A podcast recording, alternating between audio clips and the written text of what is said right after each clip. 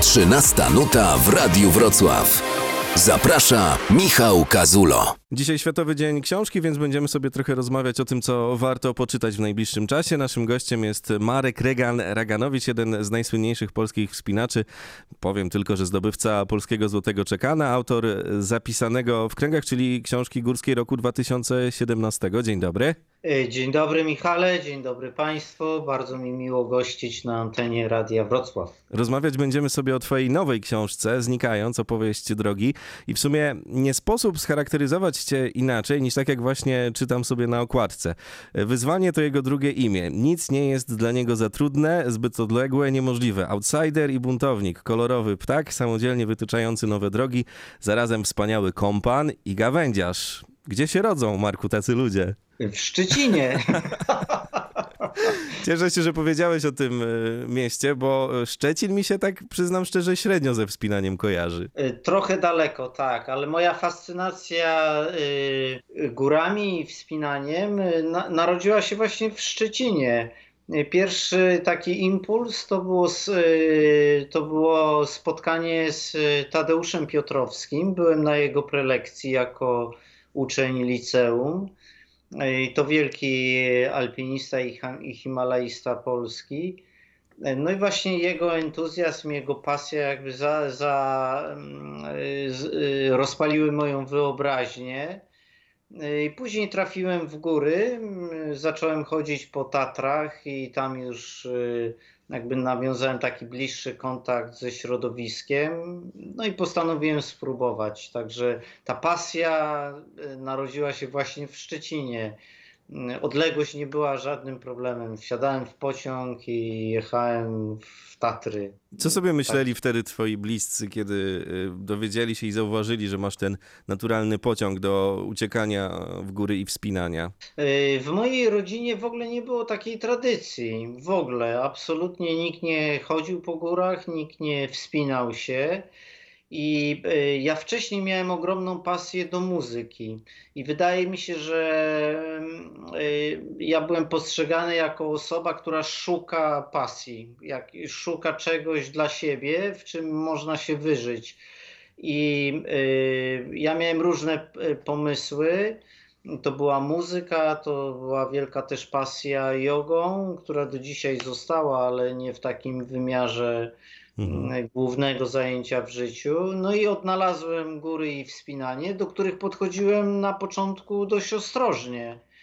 Powiem szczerze, że to więcej, bardziej było pytanie, czy do tego się nadaje, czy to jest rzeczywiście coś, czemu warto poświęcić wiele czasu i wysiłku, niż takie brnięcie, że, że, że tak, ja chcę się wspinać, muszę to robić. Mhm. I to były takie etapy, w których zacząłem sobie odpowiadać na pytanie, czy się nadaje. No i tak to już trwa ponad 30 hmm. lat. Mi, jak słyszę o, o, ludziach, którzy się wspinają, czy w ogóle wyruszają na różne wyprawy górskie, bo to się też dzieli na, na, na, różne takie profesje, o tym porozmawiamy sobie trochę później, to od razu przychodzi mi do głowy słowo adrenalina, e, bez której e, no nie dałoby się robić takich, takich rzeczy, jakie robisz. E, na pewno emocje są ogromne. To powiem szczerze, że czasami to wygląda inaczej niż y, ludzie sobie wyobrażają. Nawet jak ogląda się filmy wspinaczkowe, one są bardziej tak y, może przez taki bardziej atrakcyjny montaż. One wyglądają czy pokazują wspinanie bardziej jako taki dynamiczny sport. Natomiast y, większość tych dyscyplin wspinaczkowych łączy, y, to jest takie bardzo statyczne w efekcie. Także ten wybuch adrenaliny, on następuje. Są momenty bardzo takie zaskakujące, ekscytujące ale w tym wspinaniu bigwallowym, wielkościanowym, któremu ja się poświęcam, mhm. To jest taki długi okres czasu, kilkunastu dni czy kilku nawet kilkudziesięciu, w którym e, te emocje są na bardzo wysokim poziomie, a, aczkolwiek to nie następuje takie jakby strzyknięcie adrenaliny w serce. Mhm. To trochę inaczej niż, no nie wiem, czy w motocrossie, czy w jakichś takich sportach związanych z ryzykiem które, które jest napięte do granic wytrzymałości i może pęknąć w każdej sekundzie. To jest, no ale ten czas jest krótki.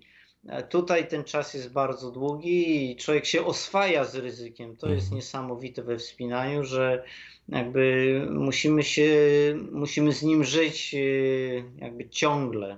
No właśnie, zastanawiam się, mm, bo mówimy o tej adrenalinie, jak wygląda u ciebie ten proces lądowania, wiesz, kiedy mm, wracasz z tych no, często długich przecież wypraw i musisz e, powrócić do takiej rzeczywistości, z tych emocji, z tych, z tych, z tych wysokości, e, tak. nagle wiesz, zacząć chodzić do sklepu, robić zakupy, gotować obiad i nie wiem, no zajmować się prozą życia. Tak, na początku, zwłaszcza zaraz po powrocie z, z dłuższych takich wyjazdów, gdzie zwłaszcza w jakieś takie rejony odległe, ja, ja byłem trzykrotnie na ziemi Bafina i to jest najlepszy przykład. E, na jednej z wypraw spędziłem 8 mm, tygodni samotnie, zupełnie tak, że nie widziałem żadnych ludzi.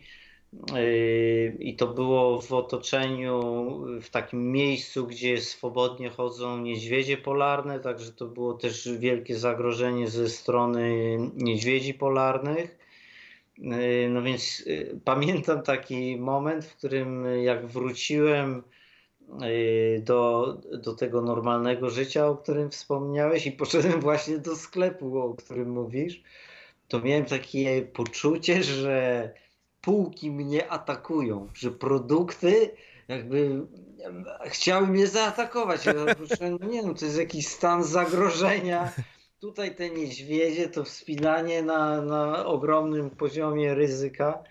A tu nagle przychodzę i w supermarkecie mnie puszka z pomidorami atakuje. No więc to jest taki y, moment trudny, w którym trzeba się e, przyzwyczaić do normalnego życia, ale to jest też moment ważnego pytania, które życie właśnie jest normalne dla nas i czy przypadkiem to życie e, blisko natury, w tej dzikiej natury, nie jest naturalnym naszym życiem, a to, które uważamy za normalne, nie jest życiem e, właśnie, które zmieniło nasz umysł i, i postrzeganie świata, co jest normą, co nie jest. I jak daleko odeszliśmy od tego normalnego świata, w którym, no nie wiem, ludzie chodzą boso po lesie, i może to jest właśnie ta norma, a, a ten hipermarket to jest wynaturzenie.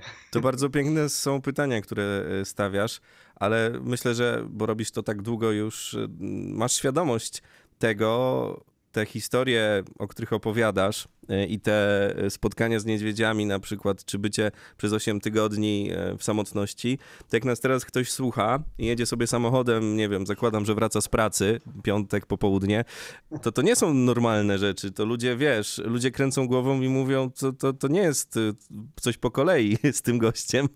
No właśnie o tym mówię, że E, to, to nie jest, e, zgadzam się, że to nie jest normalne. Może ze mną też nie jest po kolei, ale pytanie jest takie, a może nie, może mhm. większość nie ma racji, może to większość jest, o, o, ma nie po kolei, a ja jestem tym wybrańcem, który mógł doświadczyć takich pięknych rzeczy. Jak słucham I ciebie powiem... i czytam te e, książki, które już napisałeś, to jestem w stanie ci uwierzyć i oczywiście trochę sobie żartujemy, bo te historie są niesamowite, ale to są historie z życia. Tutaj nie koloryzujesz. Zresztą te książki to jest taki zlepek trochę tych emocji i tych wszystkich rzeczy, które się z tobą gdzieś tam podczas tych wypraw działy.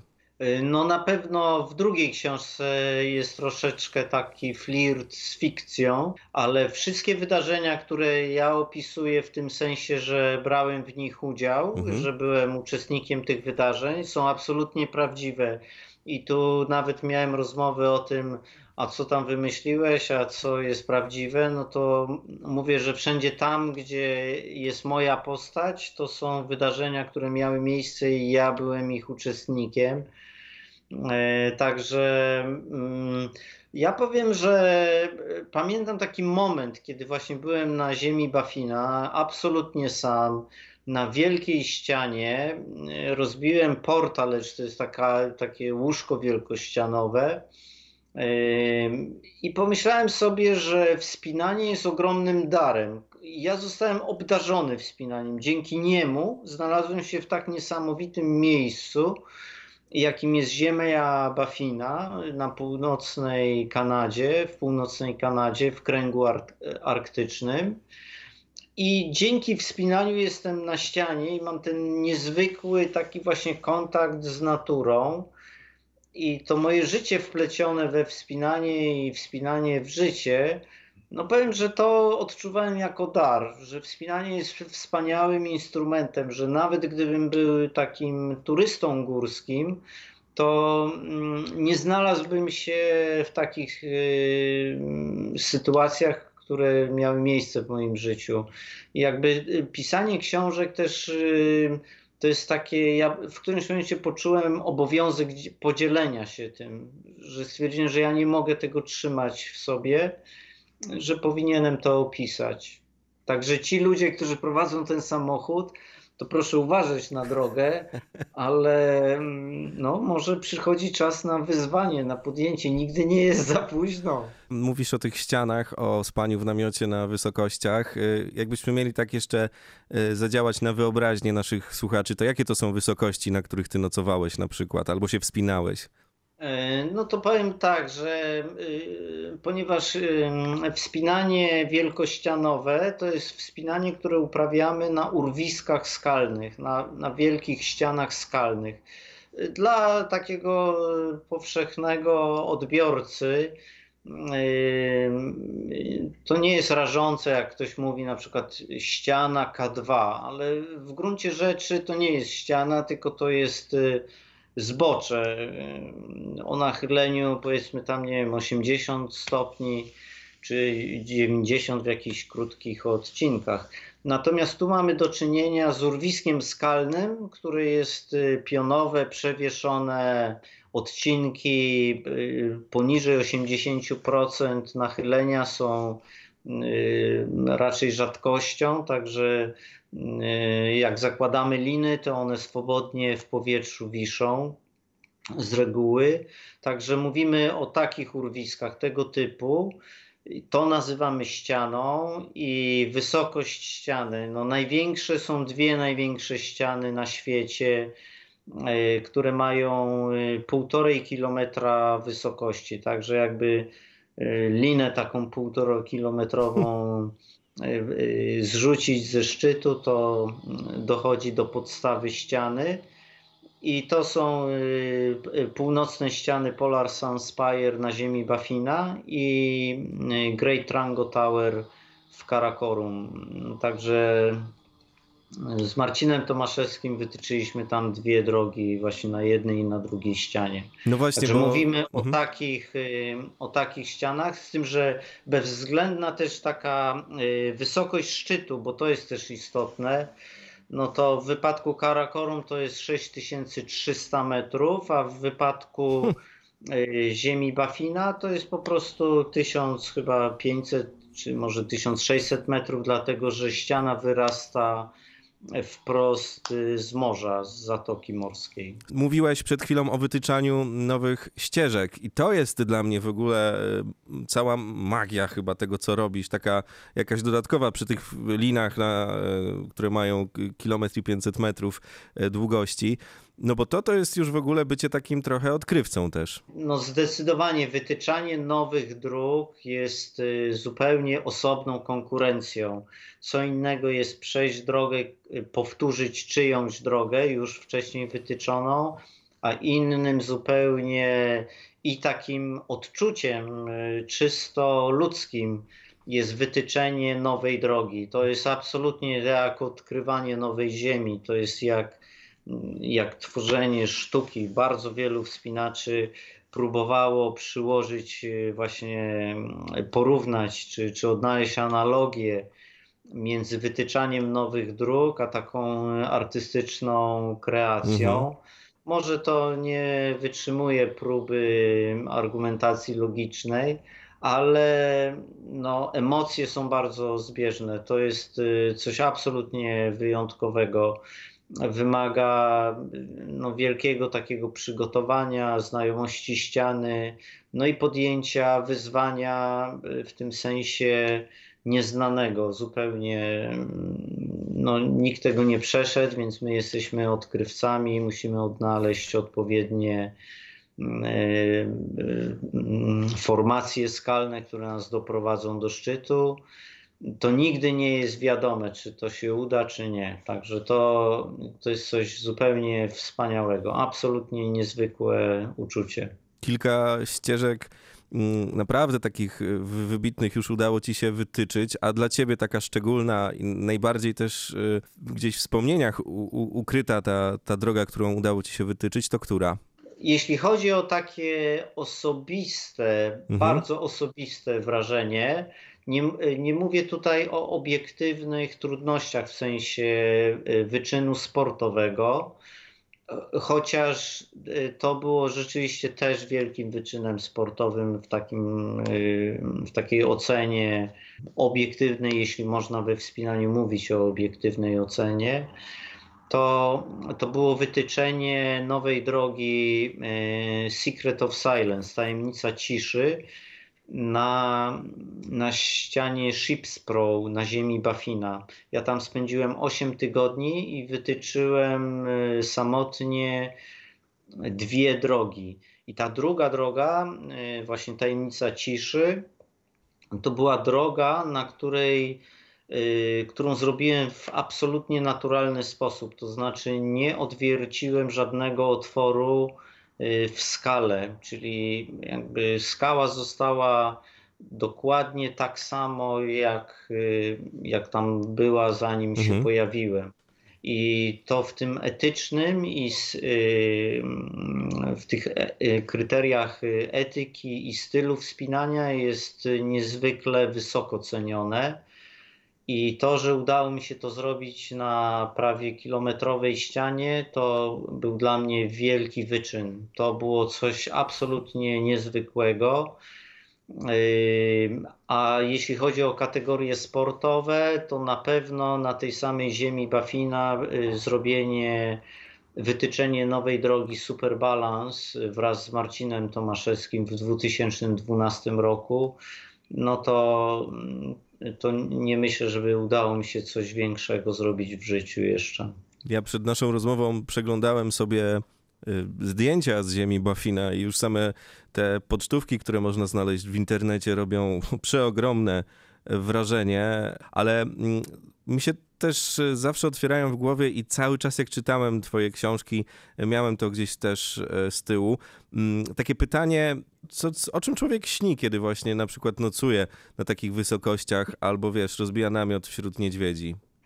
Powiem ci, że tak, to rozbicie namiotu wśród niedźwiedzi to jest absolutnie, to jest takie, że no, ja bałem się, nie wiem jak inni ludzie by to robili, jakie mieliby odczucia, ale ja miałem ewidentnie uczucie strachu.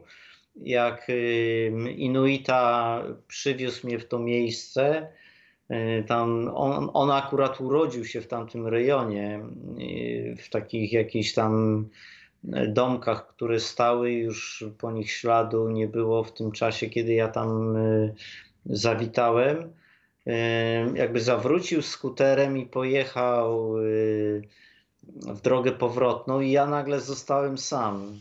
No to powiem, że na początku pomyślałem sobie, no dobrze, no to to jest taki moment, w którym muszę się oderwać.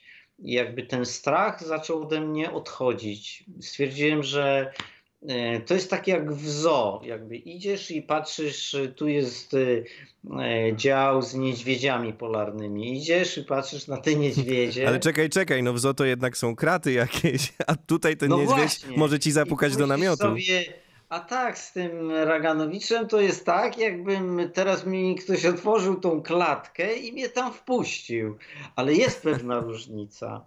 Dlatego, że jak w zoo ktoś cię wpuści do klatki z niedźwiedziami, to zawsze możesz go wybłagać, żeby cię wypuścił. Natomiast jak jesteś na ziemi Bafina, to nikt cię stamtąd nie wypuści. Nie masz możliwości jakby powiedzenia, a ja już chcę wyjść. Po prostu musisz żyć. I ja takie miałem uczucie pogodzenia się z tym, że te niedźwiedzie one tam zaczęły przychodzić do mnie i ja miałem parę takich sytuacji nawet bardzo groźnych. I ten kontrakt z naturą tam, no to było coś absolutnie niezwykłego. To powiem szczerze, że E, że ten strach, jakby ta gra strachu i tego poczucia jedności z tym mhm. miejscem, no to jest coś absolutnie unikalnego. A wytłumacz mi, ja, jak, na jakiej zasadzie one zaczęły do ciebie? Bo przepraszam, że ale to tak na wyobraźnię działa, jak mówisz, zaczęły do mnie przychodzić niedźwiedzie, że no od razu mi się pojawia w głowie to pytanie. E, no tak, jak Pierwszy raz to było takie, że ja byłem ostrzeżony przez miejscowych ludzi o tym, że przez Inuitów, że oczywiście tutaj są niedźwiedzie dzikie i trzeba uważać. Miałem y, strzelbę ze sobą. Ale to jest tak, że jakby jak ich nie widzisz, to trudno ci uwierzyć, że one przyjdą. Ja już tam byłem parę tygodni i po prostu w namiocie czytałem książkę i nagle usłyszałem, że namiot jest, y, że niedźwiedź jest po drugiej stronie namiotu, jakby tej, tej, tej, tego materiału. Obchodził namiot w koło, potknął się o odciągi z namiotu. No to były chwile, kiedy wierz mi, że czułem takie zmarszczenie skóry na głowie. E, kuriozalnie to jest śmieszne, ale udawałem, że nie żyję jakby wstrzymałem oddech. Bałem się nawet przeładować strzelbę, bo, bo oczywiście miałem ją niezaładowaną w tym momencie. E, I niedźwiedź odszedł. Tak jak przyszedł, tak odszedł. Także dzięki temu mogę Ci opowiedzieć tę historię. I rok później wróciłem w to samo miejsce i miałem jeszcze gorszą historię z niedźwiedziem, ale tego już nie opowiem, żeby wszyscy mogli spokojnie sobie. No przestań, nie możesz tak ludziom robić. Samochód. Nie, nie, musisz opowiedzieć. Wiesz, co teraz się dzieje? Ludzie zaciskają ręce na kierownicy i czekają, aż to powiesz. E, no to był bardzo groźny moment, bo, bo niedźwiedź jakby nie odchodził i węszył w koło namiotu i byłem pewny, że, że zaatakuje mnie. Nie wiem, no miałem, to jest takie, taka gra troszeczkę, mhm. że strach jest wypadkową naszej wyobraźni, jakiejś takiej intuicji, że wiele rzeczy, które są bardzo groźne, y, nie łączą się z naszym uczuciem strachu. Y, no to jak bierzemy naszego odbiorcę jako kierowcę samochodu, to wiele jest takich wypadków, w których kierowca się nie spodziewa. Normalnie jedzie i nagle się zdarza wypadek. Mhm. I to się nie łączy z żadnym poczuciem strachu. Wiele jest takich sytuacji, gdzie kierowca się boi, wyprzedzając drugi pojazd, ale to wszystko się dobrze kończy. Zdąży tak. zjechać tak. i nie następuje zderzenie czołowe. Ale pozostaje uczucie strachu. I w tamtym momencie, w którym przyszedł ogromny niedźwiedź, to był duży osobnik. Ja go później widziałem. Naprawdę duże zwierzę. Yy, I było coś, co nie zdarzyło mi się wcześniej, a miałem dosłownie, nie wiem, jakieś 7-8 kontaktów blis bliskich takich z niedźwiedziami, że on zatrzymał się przy namiocie. Ja byłem w środku z, ze strzelbą wykierowaną w jego stronie, bo dokładnie słyszałem każdy jego krok. I on zaczął naciskać pyskiem na namiot. I powiem, że to był moment, w którym byłem pewny, że za chwilę on położy łapę na namiocie, co oznacza rozerwanie tropiku i, i w zasadzie nie mam szansy, żeby, żeby przeżyć takie spotkanie, y, bo tu muszę powiedzieć, że to, że, że masz strzelbę w takiej sytuacji niewiele pomaga. Trzeba mieć naprawdę umiejętności, żeby trafić niedźwiedzia prosto w serce, żeby go zabić E, ja takich umiejętności nie mam, ja nawet w wojsku w życiu nie byłem. E, no więc e, nie wierzyłem, że mogę zabić pierwszym strzałem, a wiadomo, że już na drugi nie ma szansy, bo jeśli niedźwiedź jest blisko ciebie, to niedźwiedzie są bardzo szybkie, one są bardzo silne i ciężkie i są, co Inuici mnie ostrzegli, one są nieprzewidywalne. Nigdy nie wiesz, co niedźwiedź zrobi. Y, po prostu on rządzi. Tam oni mówią, że to jest y, King of the Arctic. Jest królem Arktyki i w rzeczy samej niedźwiedź rządzi. To nie jest tak, że ty możesz mu się przeciwstawić. Oczywiście człowiek jest jedyną osobą, y, jedynym stworzeniem oprócz innego niedźwiedzia arktycznego, y, polarnego, który może zabić niedźwiedzia polarnego. To tylko niedźwiedź polarny może być zabity przez innego niedźwiedzia albo przez człowieka. E, także w tym momencie, jakby wtedy, w 2018 roku, byłem pewny, że nie przeżyję i że to nastąpi w następnych sekundach, po czym niedźwiedź się odwrócił i poszedł. I jak to opowiadałem tę historię później Inuitom, to mówili, że zostałem obdarzony i że powinienem z tym pojechać i wrócić do domu. Marku, Przepraszam kierowców, jeśli proszę patrzeć na drogę i... Myślę, że teraz wszyscy słuchacze e, Radia Wrocław, którzy jadą samochodem, stanęli na poboczu i biorą e, kilka głębszych oddechów, ale myślę też, że jeśli mieliśmy dzisiaj opowiedzieć o twojej książce i o tobie, to za sprawą tej historii zrobiliśmy to najlepiej jak się dało, to znaczy ty zrobiłeś. Mm, pytałem jeszcze o sen, bo to jest bardzo ciekawe dla mnie. Oczywiście jeśli nie ma obok namiotu niedźwiedzia, co się śni ludziom nocującym na tych ścianach, na tych wysokościach? A widzisz, ja też zadałem sobie takie pytanie w tym sensie, że właśnie, żeby opowiedzieć y, czytelnikom tę prawdę o wspinaniu, to stwierdziłem, że, y, że książka właśnie powinna być bardzo taka osobista. Mhm. I w, y, zarówno w pierwszej, jak i w drugiej książce sięgnąłem właśnie do snów. I w, y, zwłaszcza w drugiej książce, tam są sny przytoczone y, przy okazji przejściu trudnych dróg, y, takich technicznych, hakowych na ścianie El Capitana w Kalifornii.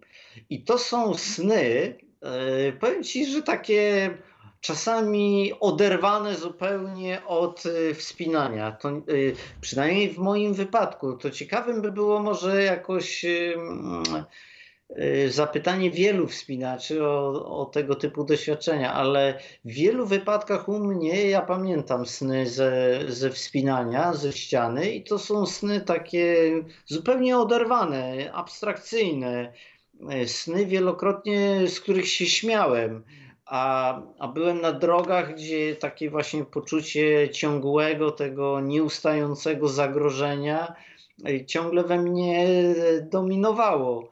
Y, także powiem, że, że to jest y, może jakiś materiał też dla psychologów, do, mhm. ale wielokrotnie to były jakieś komiczne sny. No powiedzmy jeszcze sobie, Marku, że e, w Polsce mamy tą piękną historię, jeśli chodzi o, o wspinanie.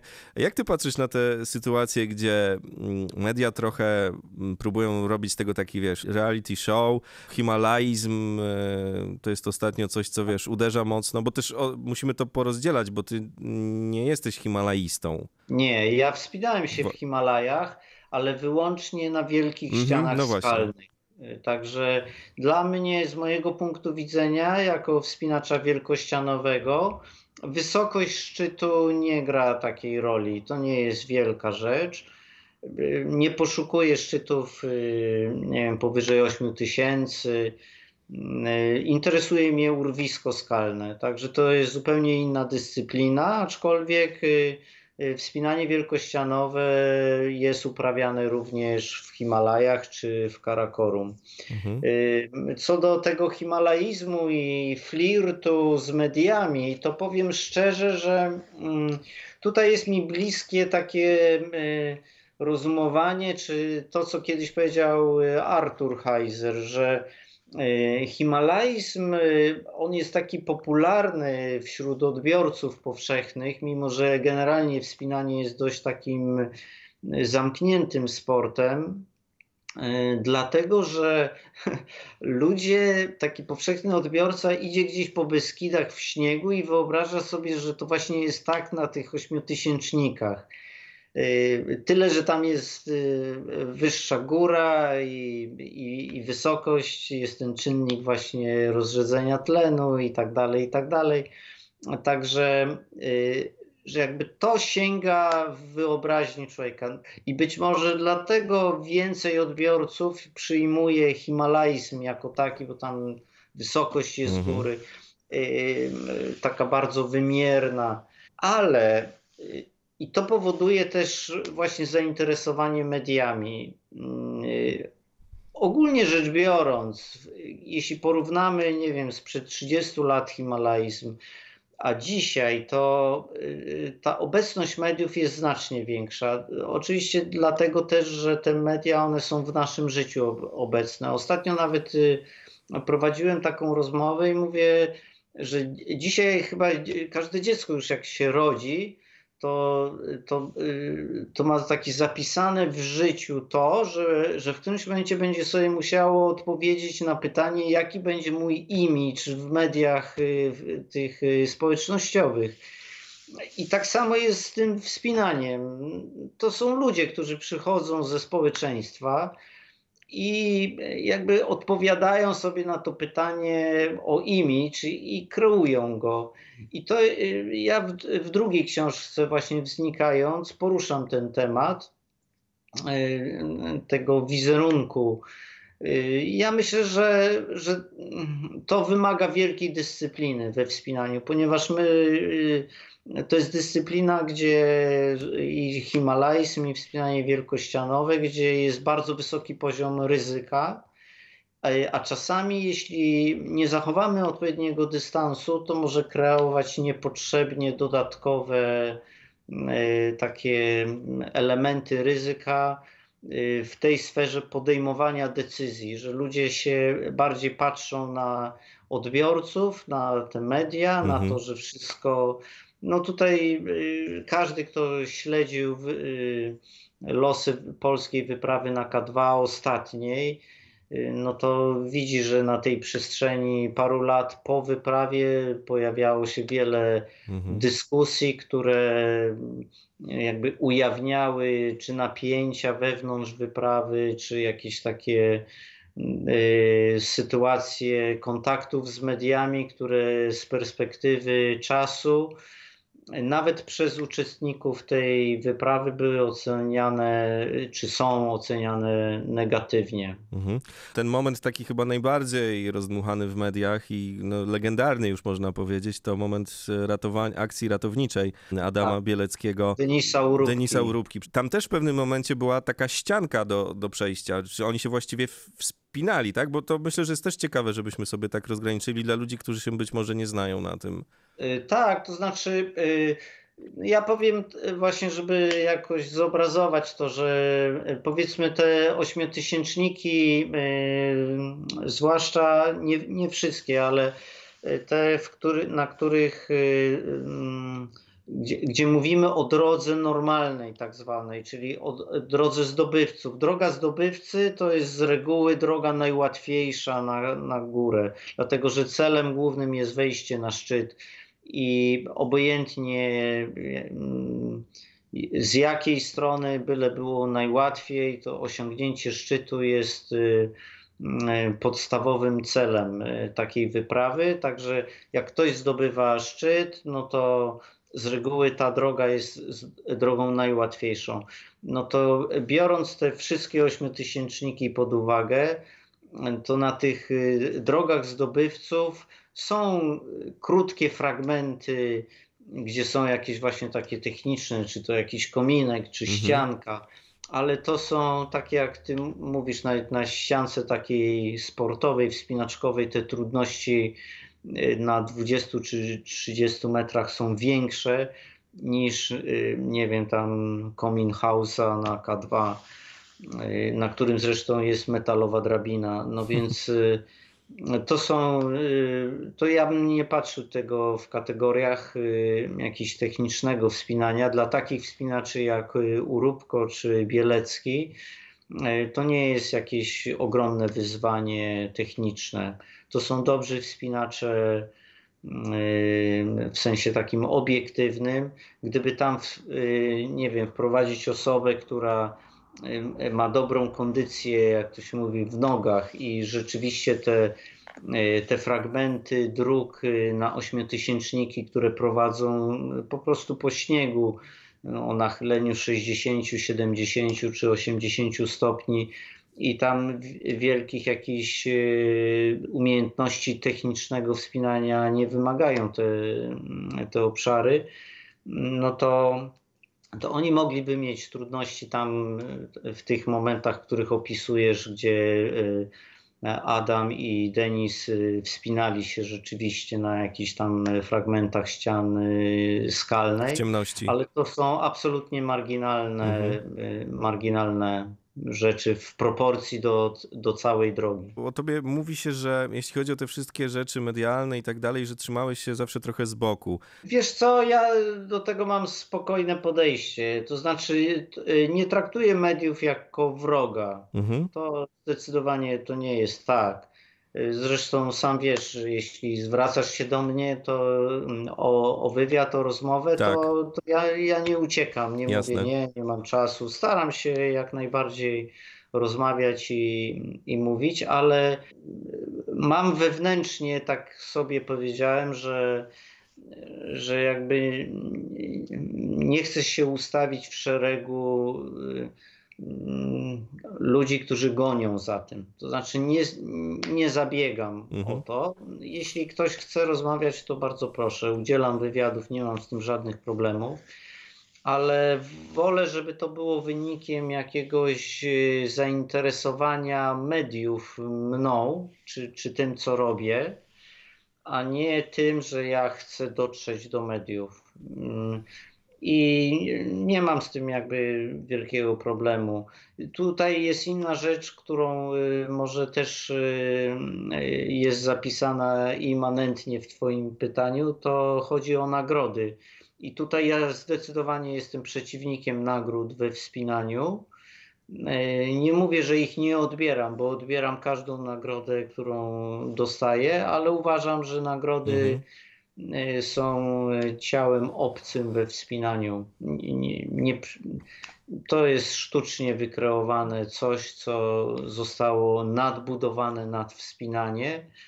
Także y, jakby ta moja niezgoda na nagrodę objawia się w tym, że nigdy nie przedłożyłem nagrody i uroczystości odebrania jakiejś nagrody ponad plany wspinaczkowe, a z drugiej strony nigdy nie, gdyby mi ktoś zaproponował uczestnictwo w jakiejś kapitule przyznającej nagrody czy organizacji tego, to zdecydowanie bym odmówił. Jak spojrzysz na jakieś tam forum dyskusyjne mhm. o wspinaniu, gdzie, gdzie wspinacze zabierają głos, to e, nawet biorąc pod uwagę nagrodę, ludzie popełniają jeden wielki błąd, patrząc na nagrody. Y, patrzą, y, no ja też byłem laureatem jakichś tam nagród. Tak. I, y, i, ale postrzeganie powszechnego takiego odbiorcy jest takie, że ten, który dostał w cudzysłowie pierwszą nagrodę, to to jest najlepsze przejście. A to nie jest prawda, że on jest najlepszym alpinistą. To jest tak, jakby powiedzieć, że ten, który wszedł na Everest, to jest najlepszym alpinistą, bo to mhm. jest najwyższa góra. To jest kłamliwe, to jest nieprawdziwe. Yy, styl we wspinaniu ma tak wiele elementów, że wyciągnięcie jednego z nich i powiedzenie, że to jest kategoria, według której oceniamy przejście, jest absolutnie błędną drogą. I we wspinaniu zawsze były dyskusje, czyje przejście jest lepsze, Y, która wspinaczka. We wspinaniu też jest wiele dyscyplin we, wewnątrz wspinania, jako pojęcia, jako dziedziny działalności. Jest wspinanie takie, jak wspomniałeś, na ściance typowo sportowe, jest himalaizm, jest y, wspinanie wielkościanowe, jest alpinizm, który jest różny od himalaizmu, ale w wielu y, obszarach jest, nakłada się, jest zbieżny. Także tutaj nie ma jednoznacznych definicji. E, wiele spraw jest e, do dyskusji, jest otwartych, że jeden wspinacz ocenia wyżej takie przejście, inny inne. I osobiście rzecz biorąc, to właśnie jest jeden z tych najpiękniejszych elementów tego sportu. To, to, jest jedno, to, y, to jest jedno z tych, y, y, jedna z tych rzeczy, które mnie fascynuje we wspinaniu. To jest po prostu przepiękne, że nie ma jednej definicji, nie ma jednego jednoznacznego powiedzenia, to jest najlepsze. I hmm. dlatego taka nagroda według mnie jest pomyłką. No można uznać to za uhonorowanie, ale wielu ludzi to postrzega jako, że, że, że ten alpinista albo to przejście jest mhm. absolutnie mhm. największe. No a co powiedzieć o czasach, nie wiem, kiedy ktoś zdobył, kiedy y, Tensing i, y, i Hunt zdobyli Everest, a nie było wtedy nagród. No więc y, to co, to ich przejścia nie były wybitne. Na koniec, Marku, zapytałbym Cię mm, jeszcze o jedną rzecz związaną właśnie chyba, no tak ogólnie z tym, z tym co y, robisz, bo jak się cały czas żyje tymi wspinaczkami, jak się cały czas gdzieś jest blisko tego sportu, to wyznacza się te poprzeczki coraz wyżej. Czy ty masz jeszcze jakieś marzenia, czy czujesz się takim spełnionym facetem, który już zrobił to, co chciał i teraz tylko, wiesz, wybierasz sobie punkty, które są takimi dodatkami jakby? Moje podejście do tego jest takie, że ja ciągle czuję się spełniony mhm. i ciągle mam wyzwania. e, to znaczy, ludzie to przeciwstawiają, ale mhm. ja się z tym nie zgadzam. E, poczucie spełnienia wcale nie oznacza, że że nie chcę czegoś już dalej robić. Także ja mam poczucie takiego spełnienia. Wiem, że, że udało mi się wiele marzeń spełnić i jestem zachwycony tym, a jednocześnie ciągle mam jakieś, e, ta, e, mam jakieś takie przedmioty swoich marzeń, e, tego, że chciałbym jeszcze coś zrobić. Także ciągle, ciągle mnie coś tam gdzieś nurtuje, chciałbym, chciałbym, ale e, tak jak e, wspomniałeś tą moją ciszę medialną, tak e, zachowuje ciszę odnośnie swoich planów. Właśnie chciałem to powiedzieć, że pewnie te marzenia są po to, żeby je spełniać, a nie po to, żeby o nich mówić, a potem ewentualnie można napisać kolejną książkę, żeby zainspirować e, kolejnymi historiami.